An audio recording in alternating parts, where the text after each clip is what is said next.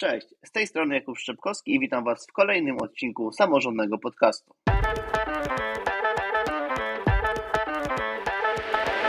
Dziś porozmawiamy o dużych imprezach studenckich bez tajemnic, o wyzwaniach związanych z ich organizacją, o tym jak dobierać zespół projektowy, o tym gdzie szukać finansów i o tym jak dobierać artystów, którzy wystąpią w trakcie wydarzenia. A o tym wszystkim porozmawiam z osobą, która ma na swoim koncie organizację kilku bardzo dużych przedsięwzięć. Moim i Waszym gościem będzie Tomasz Tołoczko. Dzień dobry. Inżynier, absolwent Wydziału Zarządzania i Ekonomii Politechniki Gdańskiej. W czasie studiów był koordynatorem technikaliów w roku 2015 i 2016 oraz współkoordynował ich organizację w roku 2017. W czasie studiów był rzecznikiem samorządu studentów Politechniki Gdańskiej, parlamentarzystą, członkiem Wydziałowej Rady Studentów, Koła Naukowego, współorganizował technikalia wydziałowe oraz był redaktorem Pisma Politechniki Gdańskiej. Od 11 lat organizuje wydarzenia w Akademickim Klubie Politechniki Gdańskiej Kwadratowa. Był jedną z osób odpowiedzialnych za dwie pierwsze edycje juwenaliów gdańskich w latach 2018 i 2019. Cześć Tomku, wielkie dzięki za przyjęcie zaproszenia do naszego podcastu. Cześć Kuba. Okej okay, Tomku, to przejdźmy może do pytań, które przygotowałem dla Ciebie na dzisiejsze nasze spotkanie i chciałbym się podpytać, jak wspominasz pierwsze juwenalia Politechniki Gdańskiej, czyli Technikalia, które organizowałeś jako koordynator?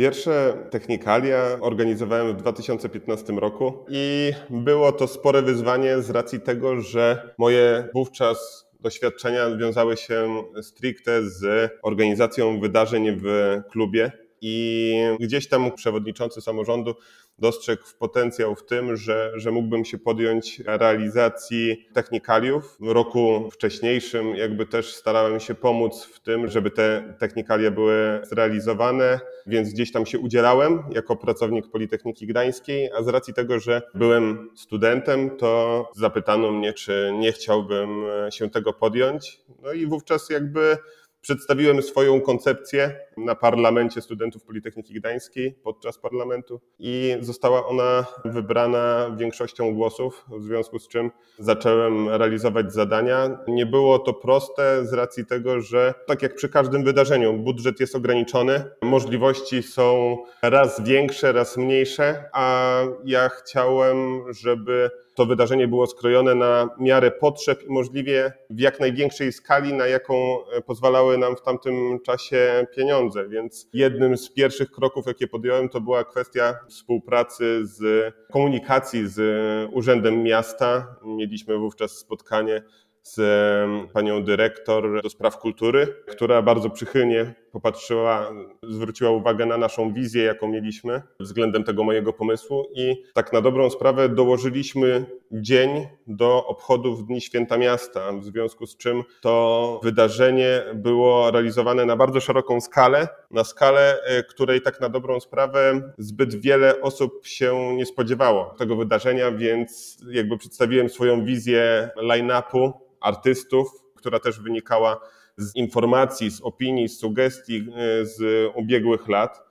Ja zawsze wychodziłem z założenia, że to wydarzenie zawsze powinno być realizowane dla możliwie jak najszerszej grupy o różnych upodobaniach muzycznych, tak żeby studenci i nie tylko mogli się świetnie przy tym bawić, żeby mogli posłuchać dobrej muzyki, pośpiewać, żeby ten klimat juwenaliowy został zachowany. No i to się udało. Zrobiliśmy ten dodatkowy dzień. Dobór artystów być może dla wielu osób mógł być kontrowersyjny, ale się sprawdzał.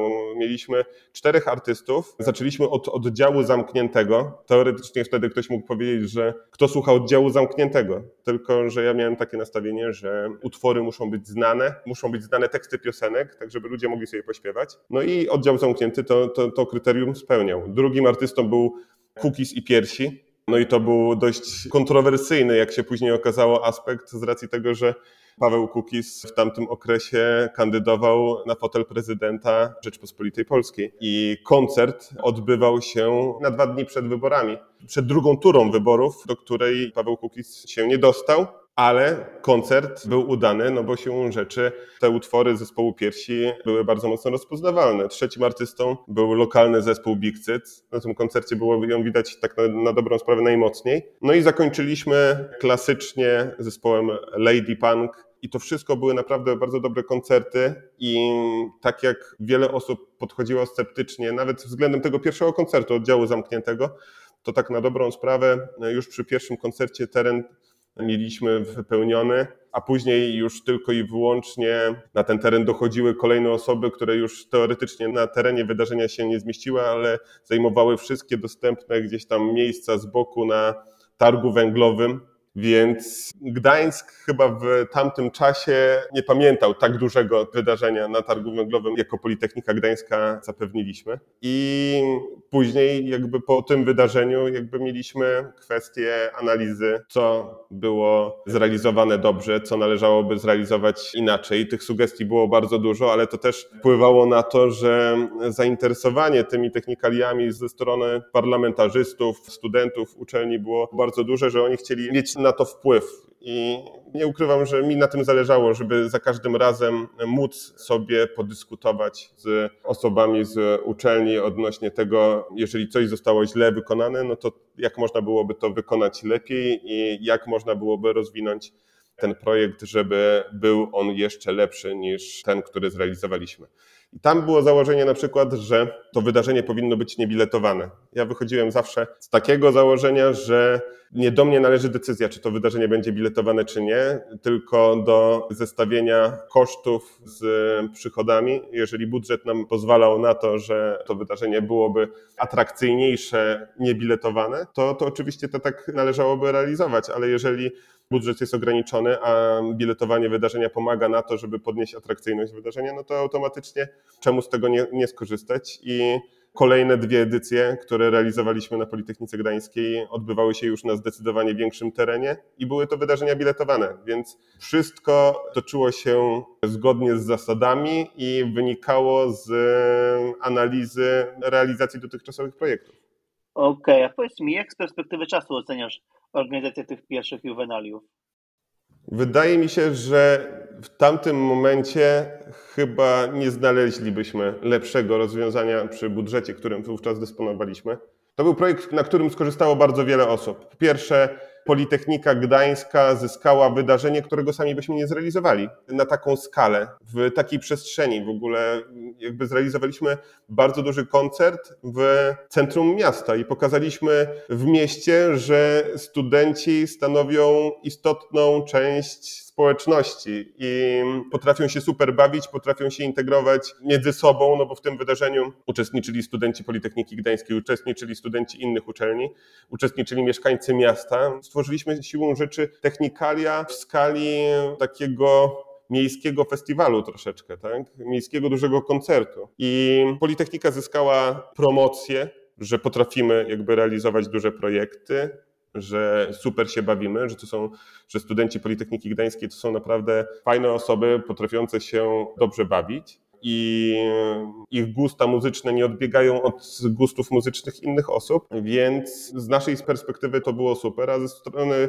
miasta no to zapewniliśmy we współpracy takie wydarzenie z taką energią, którego mam wrażenie, że w tamtym momencie ciężko by było im zrealizować. To też była inna wizja, tak? To była moja wizja, która, tak jak wcześniej wspomniałem, mogła być dla wielu osób kontrowersyjna, ale jakby się sprawdziła. To, w co przed wydarzeniem nie chciało mi wierzyć wiele osób, bo określaliśmy sobie wtedy wartość tego garnituru artystów, tak? Tak jak my to nazywaliśmy, że, że ten garnitur artystów zapewniał frekwencję na odpowiednim poziomie i gdzieś tam było to bagatelizowane przez wiele osób, a my udowodniliśmy, że nasza koncepcja była słuszna i że wszyscy się przy tym super bawili. Więc to też otworzyło nam drogę do tego, że skoro tyle osób się bawiło na, na tym koncercie, to znaczy, że nawet za dużo osób teoretycznie, to że powinniśmy przenieść się na większe wydarzenie i zacząć biletować to wydarzenie, żeby mieć wpływ na to, ile osób na terenie się znajdzie i że będziemy przyciągali osoby, które faktycznie na tym terenie chcą być tak docelowo, a nie z przypadku. Nie? Więc y, bez tego wydarzenia te kolejne dwie edycje nie wyglądałyby tak, jak wyglądały, a były to bardzo duże wydarzenia, bo siłą rzeczy w 2016 roku na terenie Placu Zebrań Ludowych przy wydarzeniu biletowanym bawiło się około 17,5 tysiąca osób i to liczymy tylko i wyłącznie chyba sprzedane bilety, z tego co pamiętam, a w 2017 roku było to około 16 tysięcy osób. I to było wydarzenie, cały czas podkreślam, biletowane, gdzie wszyscy mówili, że juwenalia powinny być wydarzeniem darmowym, ale też przy tym nieodpłatnym wydarzeniu nie ma się wpływu na to, czy uczestnikami będą studenci, czy nie będą studenci. Tak?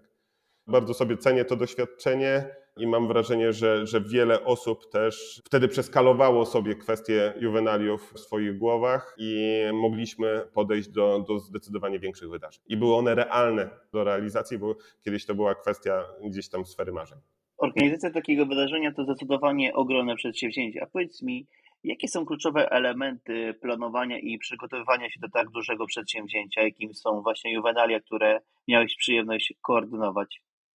Tutaj wcześniej to wspomniałem, że to jest zestawienie potrzeb i możliwości, jakie w danym momencie mamy i w oparciu o dane, które zbieramy z ubiegłych lat. Tak samo weryfikacja dostępnych rozwiązań i przedstawienie ich wraz z mocnymi i słabymi stronami osobom decyzyjnym, bo z jednej strony przy każdym wydarzeniu trzeba przekonać całą społeczność akademicką, ale w tym zakresie studenckim na początku, tak, że przedstawiamy warianty, w które idziemy, gdzieś tam dostajemy wstępną odpowiedź ze strony parlamentarzystów, czy wydziałowych rad studentów, czy zarządu samorządu studentów, a później przedstawiamy tą koncepcję władzom uczelni już z konkretnymi danymi, z budżetem, który też efektywnie trzeba rozplanować. Więc i też ten budżet musi nam ktoś uwierzyć. Muszą zobaczyć, że ten budżet jest realny, no bo na przykład dysponując kwotą 100 tysięcy złotych,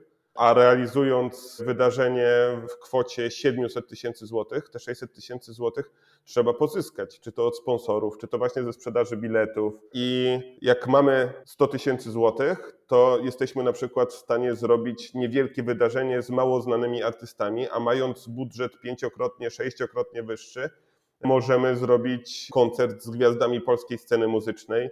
Możemy wtedy też dysponować środkami na różnego rodzaju atrakcje towarzyszące koncertom, no bo też festiwale studenckie rządzą się swoimi prawami, że to nie tylko koncerty, to tam trzeba też zapewnić odpowiednią gdzieś tam infrastrukturę, odpowiednie atrakcje, komfort przebywania na danym terenie wszystkim jego uczestnikom, więc przedstawiamy zawsze różne warianty i staramy się też wyrażać swoją opinię względem tego, który wariant jest przez nas jakby wskazywany do realizacji, w który wariant my wierzymy w największym stopniu i pojawia się pytanie, czy inne osoby nam zaufają, czy nam uwierzą, czy będą widziały w tym wariancie jakąś perspektywę. I to jest kluczowe zadanie przy każdym projekcie, żeby realizować wszystko w sposób możliwie jak najbardziej transparentny i w sposób, który będzie pokazywał nowe możliwości, będzie ciekawy najzwyczajniej, nie tylko dla uczestników, ale też dla organizatorów, no bo nie ukrywajmy, że przy każdych juwenaliach ważne jest, żeby angażowało się wielu studentów, żeby dla władz uczelni ten projekt też był atrakcyjny, żeby jasno sobie określić, jakie za tym projektem idą cele. I jak to sobie w sposób klarowny, jasny określimy, zrealizujemy wszystko w sposób transparentny, określimy ładnie budżet z poszczególnymi kategoriami, kwotami, które też nie są wyciągnięte z głowy, tylko wynikają z analizy rynku, no to wówczas zyskujemy na wiarygodności. No i dzięki temu też zyskujemy duże doświadczenie nową wiedzę, którą możemy się później dzielić z kolejnymi osobami, które ten projekt miałyby rozwijać w kolejnych latach. Mhm. Wspomniałeś właśnie o tym zespole, o angażowaniu się studentów. A powiedz mi, jakie rodzaje zespołów i ekspertów właśnie angażujesz w procesie organizacji takich juwenaliów? No bo wiadomo, że nie jesteś sam zorganizować tego wszystkiego w pojedynkę, więc na pewno robi to cały zespół. I jakich ludzi szukasz do zespołów i jakie kompetencje powinni mieć? Pierwszy i chyba taki najważniejszy zespół to jest ten zespół, który podejmuje decyzje. To jest jasne określenie tego, kto podejmuje decyzje w projekcie i te główne odnośnie wielkości budżetu, skali wydarzenia, ryzyka, jakie będziemy na siebie brali. Więc na przykładzie Politechniki Gdańskiej takim pierwszym głównym zespołem to był tak na dobrą sprawę Parlament Studentów, który wyrażał swoje potrzeby, wyrażał swoją opinię dotyczącą pomysłów, Później drugim zespołem był zespół, którym byli członkowie zarządu samorządu studentów Politechniki Gdańskiej, przewodniczący wydziałowych rad studentów lub osoby wydelegowane przez wydziałowe rady studentów do takiego zespołu, który jakby wyrażał jakby opinię na temat tych różnych aspektów realizacji, czasami bardzo szczegółowych, ale też wykazywał się działaniami, realizował różnego rodzaju działania w tym projekcie, te szczególnie integrujące poszczególne społeczności, czyli wydziały, koła naukowe, organizacje studenckie,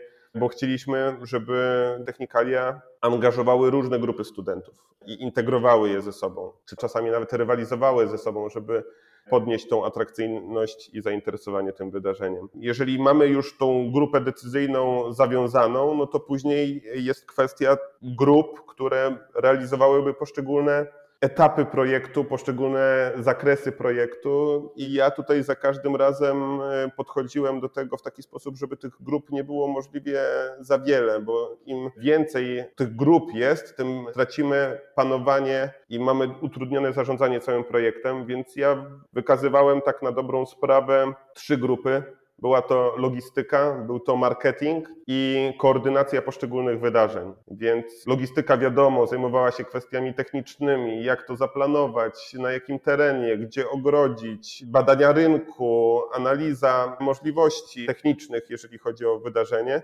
marketing dbał o to, żeby to nie jest kwestia tylko i wyłącznie promocji, ale to w tych latach 2016-2017 kładliśmy bardzo duży nacisk na to, żeby efektywnie docierać z informacją i od razu sprzedawać bilety. Tyle sprzedaliśmy biletów ze względu na to, że my z tą sprzedażą trafialiśmy bezpośrednio do odbiorcy, czyli Wspólnie z wydziałowymi radami studentów realizowaliśmy stanowiska na wydziałach w dniach, w którym na, na, wydziale znajdowało się możliwie jak najwięcej osób. Kolejki się ustawiały, jednego dnia potrafiliśmy sprzedać e, blisko tysiąc biletów. To powodowało, że to wydarzenie było studenckie, bo my skupialiśmy się przede wszystkim na sprzedaży biletów wśród studentów, ale też dawaliśmy możliwość zakupu biletów w punktach stacjonarnych sieci sprzedażowych, w sprzedaży online tych możliwości było naprawdę sporo, więc y, to nie była luźna promocja typu zaprojektowanie grafiki, tylko to była naprawdę ciężka praca odnośnie tworzenia standów i już budowania juwenaliów podczas tych promujących standów. No i ostatnia rzecz to jest koordynacja poszczególnych wydarzeń, no bo tak jak wcześniej wspomniałem, tych wydarzeń przy technikaliach potrafiło być sporo. Ten tydzień technikaliowy był mocno naszpikowany wydarzeniami. Była politechniczna integracja wydziałów, gdzie każda wydziałowa rada studentów przygotowywała różnego rodzaju atrakcje, rywalizacje, konkurencję dla studentów, było kino pod chmurką, była rywalizacja organizacji studenckich, koła naukowe mogły się pokazywać ze swoimi działaniami w swoim zakresie jakby zainteresowań i ta struktura została do dzisiaj. Ona była realizowana przez wiele lat. To nie jest tak, że ja to w całości wprowadziłem, tylko ja się dostosowałem i starałem się rozbudowywać tą formułę, która od wielu lat była charakterystyczna dla Politechniki Gdańskiej i dla jej studentów. Był grill na osiedlu studenckim. Były też w przypadku, jak realizowaliśmy wydarzenie biletowane na Placu Zebrań Ludowych, to żeby zapewnić argument tym, którzy uważali, że juwenalia powinny być darmowe, to zapewnialiśmy również dodatkowy dzień koncertowy bezpłatny z mniejszymi artystami i za to też była odrębna grupa, która za tego typu wydarzenia odpowiadała. Więc najważniejsze jest to, żeby zawsze była osoba odpowiedzialna za zakres, który jest szczególny, jest ważny względem całego projektu. Mhm. A powiedz mi, bo wiem, że w tym momencie masz przyjemność zarządzać klubem studenckim Kwadratowa. Czym różni się organizacja juwenaliów od innych imprez studenckich, które właśnie organizujesz? W zasadzie to zależy od imprez. Juwenalia są charakterystyczne, mają swoją energię, jest wiele otwartych ludzi, tak jak na wielu dużych festiwalach jeżeli chodzi o różne gusta muzyczne. Ludzie potrafią bawić się do różnych gatunków muzycznych, ale nie tylko artyści i muzyka mają na tych wydarzeniach znaczenie, choć są ważnymi elementami tych wydarzeń, więc to jest kwestia za każdym razem dobierania atrakcji związanych z wydarzeniem, do krojenia ich na miarę grupy odbiorców. I to jest ten komfort, że w przypadku juwenaliów te wydarzenia naprawdę dają duże pole do popisu. Im bardziej kreatywne rozwiązania gdzieś tam wprowadzamy, nowatorskie, tym dla studentów jest to bardziej interesujące i też studenci są o wiele bardziej jakby śmiali w tym, żeby w różnego rodzaju atrakcjach brać udział. Jednym z takich pomysłów, które wychodziło od studentów, było bicie rekordu Guinnessa we wspólnym prysznicu, jakkolwiek by to nie brzmiało, pod jednym z wydziałów na określonym obszarze studenci chcieli zebrać możliwie jak najwięcej osób, które kąpałoby się w pijanie i byłoby spłukiwanych przez wozy strażackie i to był niekonwencjonalny totalnie pomysł. Troszeczkę pogoda pokrzyżowała szyki, ale studenci mieli z tego bardzo dużą frajdę. Tak samo jak kwestia wyborów mis, których już obecnie nie mamy, ale które kiedyś cieszyły się bardzo dużym zainteresowaniem, żeby studentki mogły walczyć o tytuł Miss Politechniki Gdańskiej. I tak też było na wielu uczelniach, więc czy organizacja juwenaliów różni się od innych imprez studenckich, które organizuje? Na pewno, aczkolwiek to jest kwestia tylko i wyłącznie skali, kwestia możliwości, że jednak w momencie, gdy się organizuje juwenalia i na przykład ta juwenalia się biletuje, na te juwenalia ma się zdecydowanie większy budżet, no to pojawiają się większe możliwości, można wykazać się większą kreatywnością, w przypadku pozostałych wydarzeń, które są organizowane w klubie, tutaj pojawia się bardzo często bariera w postaci budżetu, bariera w postaci tego, że te wydarzenia nie są już tak bardzo, no nie są już tak duże. Jakby wydarzenia w klubie odbywają się dla grupy kilkuset osób, juwenalia odbywają się dla grupy kilku tysięcy, kilkunastu tysięcy osób, więc wiadomo, że jeżeli student ma do wyboru angażowanie się w projekt, który jest tak duży, to będzie dla niego to o wiele bardziej interesujące niż w przypadku mniejszych wydarzeń. Aczkolwiek juwenalia odbywają się raz do roku, klub funkcjonuje cały rok, więc jest więcej czasu na to, żeby kontynuować, robić kolejne etapy różnego rodzaju projektów i można się angażować w wiele projektów w skali całego roku. Juwenalia, które organizują się raz do roku, też wiążą się z tym, że jest bardzo duża e, rotacja, że załóżmy w jednym roku przy juwenaliach uczestniczy, nie wiem, 40-50 osób, a w kolejnym roku zostaje z tych 40-50 osób, nie wiem, 10 na przykład, albo 20 i 30 osób jest totalnie nowych, a w przypadku tych projektów realizowanych w klubie może być tak, że e, będzie się je realizowało w stałym zespole. Wiadomo, że, że zawsze będą dochodziły jakieś nowe osoby, ale nie będzie to aż tak drastyczne i dzięki temu można zebrać większe doświadczenie, ale w określonym zakresie. Więc to są te różnice, które ja dostrzegam. Mhm. A powiedz mi, bo zaintrygowałeś mnie tą próbą pobicia rekordu Guinnessa. Czy udało się go pobić, czy nie?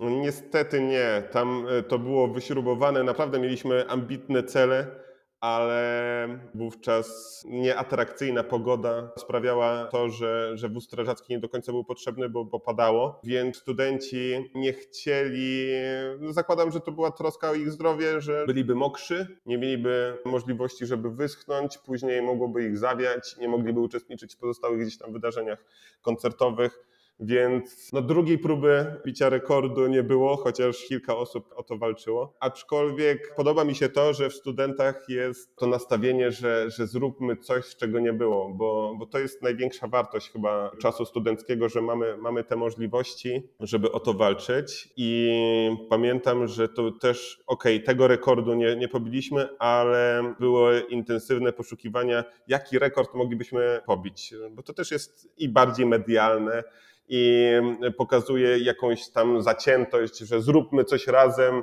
No, ze względu na przykład na różnego rodzaju projekty, to pamiętam okres, gdy spadał śnieg, to już temat niezwiązany może stricte z juwenaliami, ale studenci brali udział w dość dużych ustawkach, w bitwach na śnieżki pod akademikami i to też gdzieś tam potrafiło robić wrażenie. Nie wiem jak bardzo, jak blisko mogłoby być do rekordu, bo nikt tego pewnie nie weryfikował, ale ruch studencki był wówczas wygenerowany całkiem spory. Ciekawie.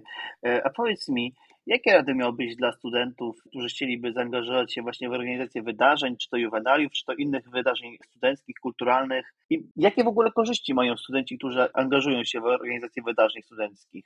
To zaczynając od tych korzyści, to niewątpliwie zbieranie cennego doświadczenia możliwość realizacji kreatywnych projektów, no bo nie oszukujmy się, później jak już wchodzimy w dorosłe życie, to tego czasu mamy zdecydowanie mniej i też e, możliwości, żeby realizować różnego rodzaju szalone projekty. No i przede wszystkim znajomości. Znajomości, nauka komunikacji i pracy w grupie.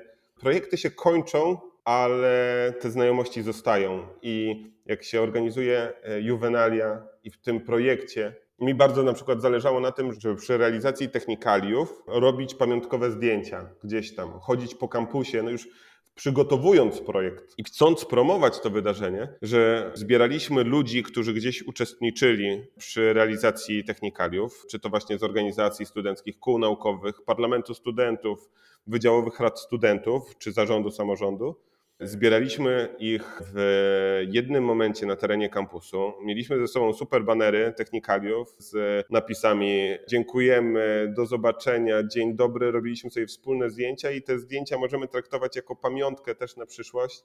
I widzieliśmy, jak dużo osób w ogóle w tym wszystkim uczestniczyło. No i teraz, jak uczestniczyliśmy w projekcie, który, w którym bierze udział no ponad 100 osób, no to później te znajomości sobie możemy wykorzystać w przyszłości. Tak? Wychodzimy, opuszczamy tereny uczelni, zaczynamy swoją pracę zawodową i jedna osoba kończy wydział mechaniczny, druga osoba kończy wydział chemiczny, inna wydział zarządzania i ekonomii, architekturę, inżynierię lądową, informatykę i potrzebujemy osoby do współpracy. No i siłą rzeczy łatwiej jest nam pracować w momencie, gdy mamy rozległe znajomości i w przypadku poszukiwania pracy, i w przypadku realizacji swoich zadań zawodowych. Wiemy, z kim się skontaktować, wiemy, gdzie zaczerpnąć informacje. Też pracując przy juwenaliach czy przy projektach studenckich, nabieramy tej pewności siebie, potrafimy się ze sobą komunikować, e, nabieramy tych umiejętności miękkich, więc to jest szalenie istotne później przy realizacji różnego rodzaju projektów. To są niewątpliwe korzyści dla studentów, a jeżeli chodzi o rady, no to jest właśnie korzystanie z możliwości, jakie dają studia, jakie są na studiach poza samym studiowaniem, tylko w tej działalności studenckiej, bo te możliwości są bardzo duże. I jeżeli chodzi o naukowe w kołach naukowych i organizacyjne, współpraca z przedsiębiorstwami, czy w przypadku realizacji projektów i tak zwanej rozrywki, kultury, sportu, to jakby mamy możliwość realizacji i powinniśmy z niej korzystać. To daje naprawdę duże możliwości. No i taka główna zasada to jest bycie kreatywnym. Jak każdemu studentowi zawsze, przy każdym projekcie, jak przychodzą do mnie studenci, którzy chcą zrealizować jakieś wydarzenie w klubie, to zawsze mówię kreatywność, tworzenie czegoś nowego, czego nie było, ale no, wymyślanie projektów, ale również rozwijanie projektów, które mają już długą historię, żeby dołączyć do grupy osób, które tą historię tworzą. Tak? Klub Kwadratowa ma 65 lat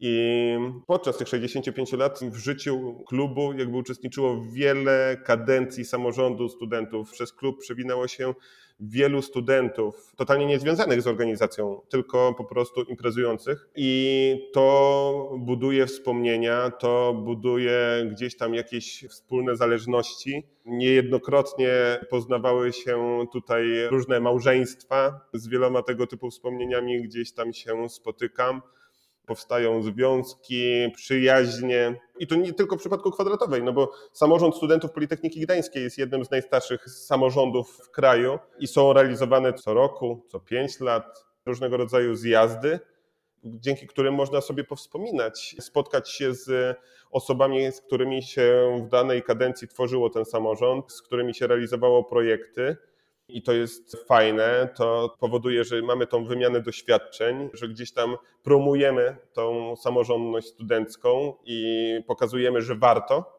więc trzeba z tego korzystać. I, I tak samo swoje jubileusze mają poszczególne organizacje studenckie, swoje wydarzenia, integracje. Bardzo często absolwenci się spotykają na wydziałach i fajnie jest wtedy pokazać, że nie tylko studiowałem, ale również tworzyłem coś dla innych i zapisałem się w historii. No bo to jest jeden też z celów naszej działalności studenckiej, żeby coś po sobie pozostawić.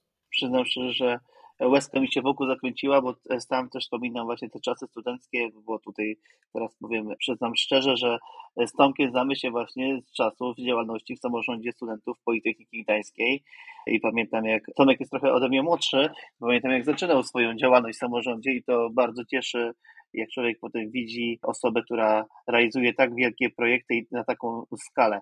A powiedz mi Tomku na zakończenie, jakie plany masz na przyszłość a propos juwenaliów i klubu kwadratowa? Czy masz jakieś może projekty, którymi mógłbyś się podzielić w nadchodzącym czasie, które będą realizowane? W kwestii planów dotyczących juwenaliów, no podobnie jest w przypadku klubu, to zazwyczaj schemat pozostaje bez zmian. Natomiast zawsze jest otwartość na nowe osoby, nowe pomysły.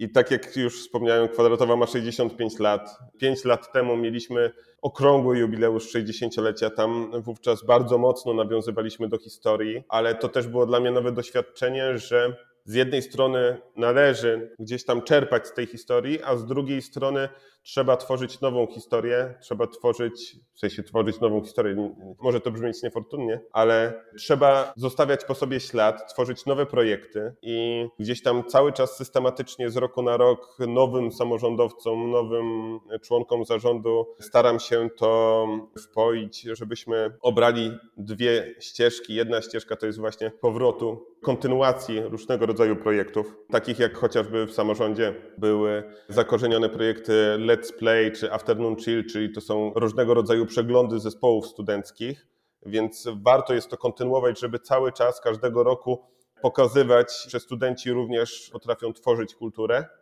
Więc niewątpliwie fajnie będzie, jeżeli faktycznie będziemy mieli tą możliwość i zainteresowanie realizacją tego typu projektów w kolejnych latach. Kolejna rzecz to jest kwestia wprowadzania różnego rodzaju nowości i kultury w klubie. Jakiś czas temu stworzyłem projekt nawiązujący do historii jazz na Politechnice. Realizowaliśmy koncerty bluesowe, nawet operowe, więc dobrze by było je kontynuować, tylko robimy to krok po kroku, czasami nawet bardzo małymi krokami, żeby stworzyć sobie warunki do tego, żeby te projekty były interesujące dla uczestników potencjalnych. Więc wróciliśmy w tym momencie do organizacji koncertów, a nie było to łatwe po czasie koronawirusa. W tym miesiącu już zrealizowaliśmy dwa koncerty hip-hopowe. Pod koniec miesiąca, już w zasadzie w najbliższą niedzielę, mamy koncert rockowy i wystąpi zespół Flapjack, który ma 30-letnią historię i obchodzi swój jubileusz 30-lecia. Mamy w planach kolejne koncerty rockowe, metalowe, koncerty świąteczne. Tutaj bardzo często angażujemy trójmiejskich muzyków, kwartet smyczkowy, żeby pokazać te utwory świąteczne, które wszyscy znamy, w zupełnie nowych odsłonach. Więc od tego nie odchodzimy, tego się trzymamy. Z tyłu głowy mam projekt, który zacząłem realizować przed koronawirusem, który miał pomóc w promocji gdańskich zespołów i mam nadzieję i będę robił wszystko w swojej mocy, żeby ten projekt doszedł do skutku i żeby jakby były realizowane pierwsze koncerty, jakieś materiały po tych koncertach, które pomogą te zespoły wypromować, bo Gdańsk ma dużo potencjału w sobie i trzeba ten potencjał pokazywać, trzeba nim zainteresować możliwie jak najszerszą grupę odbiorców. No i oczywiście kwestia imprez, no bo ta kwestia bardzo mocno w klubie jest zakorzeniona i kwadratowa też od czasu koronawirusa bardzo mocno zaczęła się zmieniać i staram się robić wszystko, żeby wprowadzać cały czas zmiany, które będą powodowały to, że klub będzie coraz bardziej atrakcyjny dla nowych odbiorców, więc w najbliższym czasie również należy się spodziewać tego, że możemy zostać zaskoczeni różnego rodzaju zmianami. Jeżeli chodzi o juwenalia, wszystko zależy od studentów, którzy będą się w te projekty angażowali, jaką będą mieli koncepcję, wizję na ten projekt. Wszystko dużo zależy od tego, jakie będą upodobania muzyczne i otwartość na różnego rodzaju wydarzenia, bo nie da się ukryć, że można odnotować taką otwartość na imprezowanie i na różnego rodzaju integrację poszczególnych roczników studentów, tak? Czyli może być tak, że jednego roku przyjdą na studia osoby, które będą bardzo otwarte, które będą chciały imprezować w środku tygodnia, które będą chciały uczestniczyć w życiu studenckim, w koncertach, wydarzeniach organizowanych, czy to w kwadratowej, czy to przez samorząd studentów Politechniki Gdańskiej. A może być rok, który będzie tak obarczony różnego rodzaju obowiązkami, czy to pracą, czy studiami, czy różnego rodzaju projektami, że to życie studenckie, tą rozrywkę będą ograniczali do minimum. W tym momencie, w tym roku akurat jest widoczne to, że studenci i nie tylko, jakby są otwarci na to, żeby spędzać czas w dużych grupach. I to widać zarówno w weekendy, jak i w środku tygodnia. Wczoraj, w czwartkowy wieczór, odbyła się jedna z imprez otrzęsinowych i klub był wypełniony. I to też pokazuje to, że studenci mają czas, chcą się integrować. I dobrze jest to widzieć i do tego się dostosowujemy z przygotowaniem przez siebie programu dla nich. Dzięki Tomku za rozmowę, niezwykle ciekawą. No i co, życzę Tobie wielu sukcesów w życiu zawodowym, jak i osobistym. Dziękuję bardzo i tego również Tobie życzę. Dzięki. Projekt Samorządny Podcast został dofinansowany ze środków Ministerstwa Edukacji i Nauki w ramach programu Organizowanie i animowanie działań na rzecz środowiska akademickiego w 2023 roku.